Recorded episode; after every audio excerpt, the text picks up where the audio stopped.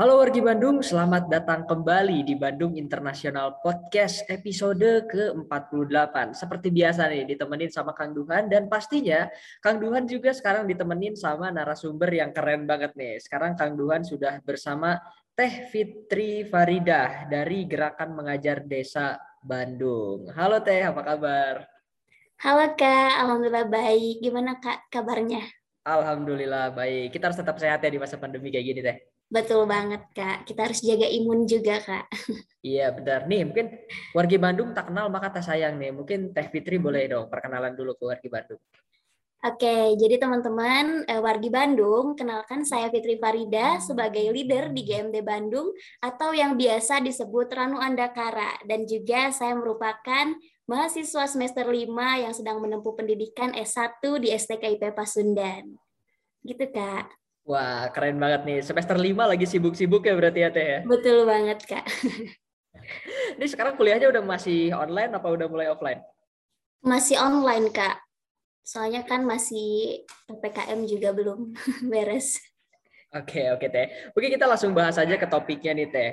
Apa itu gerakan mengajar desa, Teh?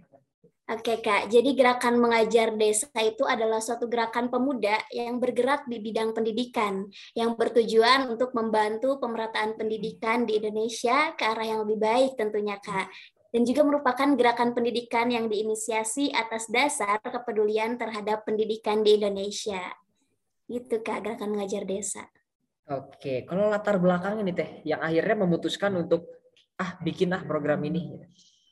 Jadi latar belakangnya itu adanya suatu keresahan yang dirasakan dalam konteks pendidikan dan juga adanya suatu kepedulian terhadap pendidikan di Indonesia untuk ke arah yang lebih baik tentunya karena seperti yang kita ketahui ya Kak, pendidikan adalah suatu hal yang fundamental untuk pendidikan bangsa Indonesia ini. Oke, berbicara soal pendidikan nih Teh, menurut Teh Fitri sendiri pendidikan di Indonesia itu sekarang sudah seperti apa Teh? Ya, seperti yang kita ketahui ya Kang di Indonesia itu pendidikan kurangnya merata, pendidikan kurang merata, sehingga itu adalah salah satu tanggung jawab untuk kita sebagai mahasiswa untuk menyebarkan manisnya pendidikan agar anak-anak di desa itu bisa merasakan pendidikan juga seperti kita di kota begitu kan. Oke, ini gerakan mengajar desa ini udah tersebar di mana aja Teh? Nah, untuk relawan dari Gerakan Mengajar Desa ini sudah tersebar di 144 kota kabupaten dan juga di 28 provinsi se-Indonesia, begitu Kak. Oke, keren banget nih, keren banget. Nah, tadi di awal sempat disinggung namanya Ranu Andakara, betul ya Teh? Betul. Nah, kenapa akhirnya memilih nama Ranu Andakara untuk di Gerakan Mengajar Desa Bandung ini? Ya, jadi nama Ranu Andakara itu seperti uh, nama lain dari GMD Bandung, yang artinya itu Ranu Andakara diambil dari bahasa Sangsekerta. Ranu itu artinya danau, Kak, dan Andakara itu artinya matahari. Jadi kalau secara filosofis, nama Ranu Andakara itu merupakan gambaran dari Bandung sendiri sebagai ibu kota provinsi Jawa Barat yang terbentuk dari adanya suatu cekungan seperti danau atau ranu dan mempunyai harapan besar kita tuh untuk selalu bersinar seperti layaknya matahari begitu Kak. Terutama dalam pendidikan kita berharap GMD Bandung Ranu Andakara ini selalu bersinar begitu. Oke, mantap mantap. Dilihat dari motivasi GMD sendiri nih, ada pintar desanya, maju negaranya. Apa aja upaya yang dilakukan GMD untuk memberdayakan desa? Oke, untuk memperdayakan desa yang pertama itu dalam kegiatannya, Kak. Dalam kegiatannya yaitu seperti pengabdian masyarakat, lalu memanfaatkan potensi yang ada di desanya untuk dikembangkan lagi seperti itu, Kak. Nah, mungkin bisa disebutin nih Teh, salah satu contohnya pengabdian seperti apa Teh? Oke, Eh, seperti program yang ada di Gerakan Mengajar Desa ini adalah yang pertama itu program pengabdian masyarakat. Kita mengabdi di desa binaan yang tentunya dengan IPM yang rendah begitu kak. Kami mengabdi selama tujuh hari di sana dengan memanfaatkan uh, semua potensi yang ada di desa tersebut begitu kak. Oke, kalau selain program yang tadi disebutkan itu, ada program-program unggulan apa lagi di GMD Bandung? Oke, secara singkat mungkin ada ini Kak, First Gathering Ranu Andakara. Itu seluruh tutor inspiratif Ranu Andakara mengikuti hmm. kegiatan First Gathering. Lalu ada vaksinasi massal, lalu ada open donasi pendidikan, sharing session bersama tutor berprestasi Ranu Andakara, ada juga gerakan berbagi kepada masyarakat, dan juga ada open paid promote jasa like dan komen. Dan uh, selanjutnya akan ada webinar nasional begitu Kak. Oke, untuk teknis pelaksanaannya sendiri itu seperti apa nih Teh? Tadi ada beberapa yang menarik kayak misalnya vaksinasi, terus webinar dan beberapa kegiatan lain itu teknis pelaksanaannya seperti apa Teh? Untuk teknis pelaksanaan dari webinar tentunya kita online Kang. Nah, kalau misalkan untuk eh, vaksinasi waktu itu kita sudah melaksanakan kolaborasi bersama eh, Masjid Salman begitu Kang. Oke, itu kerjasamanya dalam bentuk jadi membagikan makanannya tuh di sana ya? Kalau untuk berbagi makanan itu kita terjun langsung ke jalan untuk membagikan sembako seperti itu, Kang. Itu biasanya ke daerah mana aja, Teh? Daerah Kota Bandung, seputaran Bandung. Oke, oke. Tadi juga disinggung selain yang itu ya, tadi disinggung juga ada tutor inspiratif. Nah, tutor inspiratif ini seperti apa, Teh? Nah, jadi kalau di gerakan mengajar desa ini relawan itu disebutnya adalah tutor inspiratif. Yang mana tutor inspiratif ini adalah seorang yang mengabdi, mengabdikan diri kepada masyarakat yang diwadahi oleh gerakan mengajar desa. Dan nanti tutor inspiratif ini akan terjun di masyarakat sesuai dengan desa binaan yang sudah ditentukan oleh tim kami atau pengurus dari GMD Bandung sendiri. Karena dilihat dari beberapa aspek yang ditentukan, mm -hmm kita memilih desa-desa yang memang IPM-nya itu rendah untuk kami bantu begitu kan. Oke, jadi emang dari desanya sendiri sudah diriset sejak awal ya Teh. Jadi nggak ya. asal pilih desa gitu. Nah, untuk tutor inspiratif ini sendiri Teh, adakah pelatihan yang diberikan dulu sebelum akhirnya mereka terjun ke desa? Ada, ada banget Kang. Jadi tutor inspiratif ini dilatih dulu ataupun diasah dulu melalui training of trainer yang dilakukan oleh um, gerakan mengajar desa Nusantara gitu kan.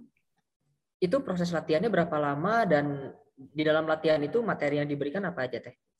Ya seperti uh, kalau kan berapa lama sampai nanti pengabdian mau terjun Kang. Kalau misalkan dari TOT sendiri itu dua minggu sekali ke pelajarannya seperti bagaimana wawasan kebangsaan, terus cara media kita menyampaikan pembelajaran kepada anak-anak seperti itu, Kang.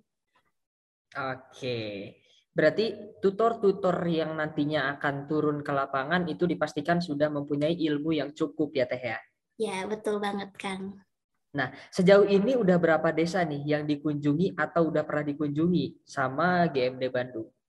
Oke, kita uh, kembali dulu ke tahun sebelumnya, Kang. Di tahun 2020 itu kami sudah mengunjungi lima desa. Yang pertama itu Desa Indragiri, yaitu di Kecamatan Ranca Bali, lalu ada Desa Neglawangi, Kecamatan Kertasari, ada Desa Banjarsari, Kecamatan Pangalengan, ada Desa Drawati, Kecamatan Pase, dan juga ada Desa Ciburial, Kecamatan Cimenyan.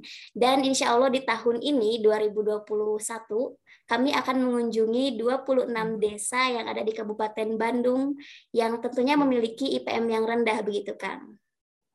Oke, tadi dari beberapa desa nih, boleh dong Teh diceritakan salah satu desanya mungkin ada, pasti ada cerita-cerita unik di dalamnya. Ya, seperti halnya di Desa Banjarsari. Saya waktu itu pengabdian di Desa Banjarsari selama tujuh hari. Memang di sana potensinya seperti berkebun, lalu ada prasusu, kami memanfaatkan itu untuk membantu pengabdian masyarakat. Lalu kami juga melakukan parenting di masyarakatnya begitu Kang. Untuk pengabdian mengajarnya itu kami lakukan selama empat hari di, di SD Tanara begitu Kang. Oke, itu berarti eh, tutor-tutor uh, inspiratif yang terjun ke desa itu selama empat hari dia stay di desanya, menginap artinya di situ. Ya, jadi sebetulnya untuk uh, tutor inspiratif itu mengabdi selama tujuh hari. Hanya saja yang empat hari itu dipakai untuk mengisi ataupun mengajar. Nah, untuk kami tinggal di sana, alhamdulillah difasilitasi oleh pihak desanya karena pihak desanya sangat welcome sehingga memberi, memberikan kami fasilitas untuk menginap di sana begitu kan. Ya oke Teh. Selama mengabdi ke masyarakat, ada nggak sih pengalaman unik yang nggak terlupakan sama Teh Fitri sendiri? Oke, pengalaman unik um, harus apa ya ekstra dalam menghadapi anak-anak karakter anak-anak yang memang banyak beragam gitu Kang. Ada yang emang bikin kesel, ada yang bikin haru, ada yang bikin bangga juga. Semuanya campur aduk di sana tuh Kang.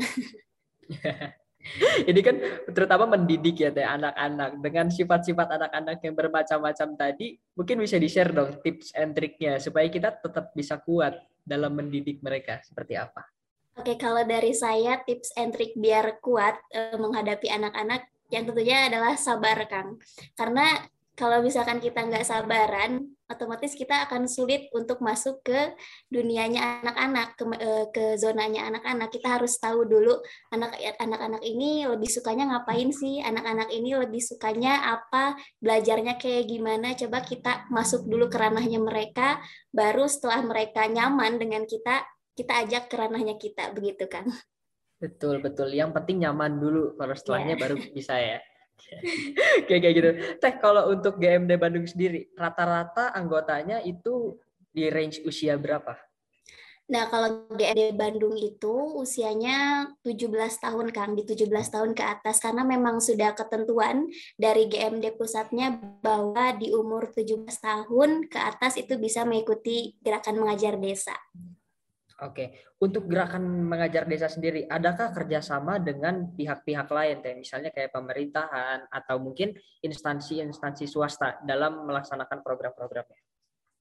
Ya, untuk sejauh ini eh, GMD Bandung pernah melakukan kerjasama bersama Disdik tentunya, lalu ada bersama kerjasama dengan apa ya eh, media-media seperti itu, Kak. Oke, ini teh wargi Bandung penasaran nih wargi Bandung bisa nggak sih untuk bergabung ke GMD Bandung ini? Bisa banget Kang, karena GMD Bandung ini terbuka untuk umum, khususnya wargi Bandung sendiri. Hanya saja Kang, di dalam keanggotaan itu kami hanya membuka satu kali open recruitment selama satu tahun. Jadi buat wargi Bandung yang ingin masuk ke gerakan mengajar desa, harus stay tune terus di channelnya ataupun di YouTube-nya ataupun di Instagram-nya at mengajar desa dan Etranu Andakara hmm. begitu kan karena nanti semua informasi terkait open recruitment pasti akan disebar di sana. Oke baik baik baik. Nah tadi kan uh, di awal sempat dibahas nih memilih desa. Nah cara untuk mencari desa yang IP-nya rendah itu seperti apa?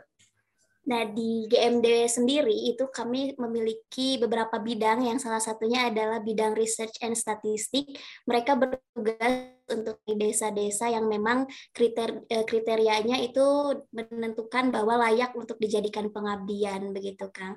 Dimulai dari IPM yang rendah, mulai hurufnya bagaimana rendahnya ataupun tingkat eh, pendidikan di sana bagaimana, tingkat literasi mereka di sana bagaimana. Kami mensurvei dulu terkait desa yang akan dijadikan tempat pengabdian begitu Kang. Oke, baik Teh. Uh, selanjutnya nih, jika wargi Bandung bergabung dengan GMD Bandung, manfaat yang bisa didapatkannya apa aja teh? Oke, manfaatnya yaitu banyak kan. Tentunya pengalaman pengabdian yang tidak akan bisa dilupakan. Seperti halnya eh, terkesan ataupun kesan yang baik, relasi yang baik, mendapatkan ilmu yang bermanfaat tentunya dan juga untuk tutor inspiratif yang telah mengabdi akan mendapatkan sertifikat sebagai suatu apresiasi kami kepada tutor inspiratif yang telah mengabdi e, menjadi relawan yang menginspirasi begitu kan. Oke, adakah kriteria tersendiri nih dari gerakan mengajar Desa Bandung jika nantinya akan melakukan open recruitment? Oke, kriteria dari GMD Bandung kalau eh, mengadakan open recruitment itu mengikuti yang dari pusat, Kang. Jadi untuk rangkaian atau rules dari uh, open recruitment itu seperti halnya harus mengisi pendaftaran seperti Google Form harus diisi, pendataan harus diisi, administrasinya juga harus lengkap, dan juga upload Twibbon yang kayak gitu-gitu sih. Oke, sebenarnya standar ya teh intinya ya. semua warga Bandung bisa bergabung bisa. tanpa ada kriteria khusus. Bisa banget, Kang. Oke. Nih ada beberapa pertanyaan terakhir nih Teh harapan Teh Fitri dengan adanya GMD Bandung ini apa? Oke Kang, harapan saya adanya GMD Bandung ini semoga pendidikan yang ada di desa-desa itu terbantu. Anak-anak yang sulit mengakses pendidikan itu bisa sama-sama menikmati manisnya pendidikan, sehingga pendidikan di Bandung itu lebih baik lagi demi kemajuan bangsa ini, terutama khususnya di Bandung sendiri, begitu kan? Oke, Teh. Nah, selanjutnya terakhir pesan-pesan untuk wargi Bandung.